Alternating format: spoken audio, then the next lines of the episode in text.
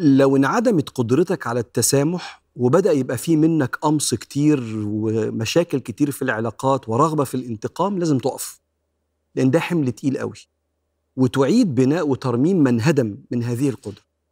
على رأس المشاكل النفسية اللي بتحصل للبني آدم اللي مش قادر يسامح هو تحول أغلب الناس حواليه لمشتبه فيهم.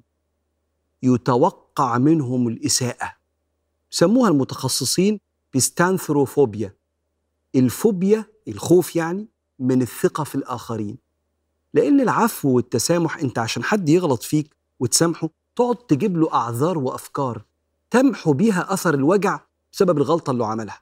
فتقول معلش كان مضغوط غصبا عنه مش قاصد هزارة فلتت منه. تجيب أفكار تمحو بيها الوجع. لكن عدم التسامح بيراكم ذكريات الأوجاع. فيخلي كل الناس اللي حواليك أنت متوقع منهم الأذى هيجي منين؟ ودايما متربص. وده بيفقد الإنسان القدرة إنه يبقى إنسان لطيف ومحبوب. وبيحصل حاجة تانية إن الناس بتبدأ تتجنبه لأن كتر القمص في الحياة منفر جدا جدا جدا. على فكرة في كل مستويات الأعمار في الصغيرين والكبار فكرة إن أنا أبقى مش حاسس بالأمان أتكلم معاك براحتي أو أقول لك حاجة أغلط. أغلط وأنت قادر إنك أنت تميز ما بين الخطأ والخطيئة. الخطأ هو الخطأ اللي أنا مش قصده رفع عن أمتي الخطأ والنسيان وما استكرهوا عليه. فربنا شبه الخطأ اللي مش مقصود بالنسيان أو الحاجة اللي حد أجبرني عليها. أما الخطيئة في في حاجة أنا عمال برتب لها عشان أؤلمك.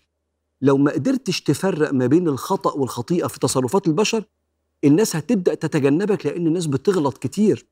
عشان كده ربنا بيقول والذين يجتنبون كبائر الإثم والفواحش وإذا ما غضبوا هم يغفرون. وقادر على التفريق ما بين اللي ينفع أسامح عنه وما سامحش عنه. صاحبنا اللي ما بيسامحش لا فقد دي فبدأت الناس تتجنبه. لكن أكتر أذى بيصيب الإنسان اللي انعدمت قدرته على التسامح هو جفاف منابع الخير في قلبه. اللي عايش زعلان ما بيعرفش يعطي لأنه دايما مستني إن الناس تجبر بخاطره وتصالحه وحاسس إن الناس ما تستحقش لأن أنا موجوع قوي. عكس اللي عايش في وسط الناس حاسس إنه في نعمة كبيرة إن فلان وفلان الخطائين ها اللي بيغلطوا بني آدمين زي ما هو خطاء بس نعمة إن في حد جنبي وحبيبي وبيحاول يبقى كويس معايا وبيغلط زي ما أنا بغلط أنا كمان. منابع الخير بتجف بسبب سوء الظن والخوف. من أذية الخلق.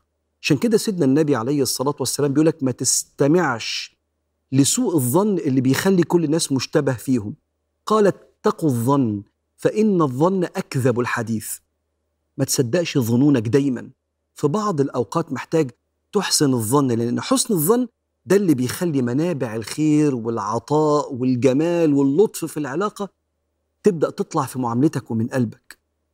فانهيار وانعدام القدرة على التسامح أكتر واحد بيدفع ثمنها الشخص اللي مش بيسامح. وأنا النهاردة مش جاي أقول لك تبقى مستباح أو ساذج والناس تدوس على رقبتك.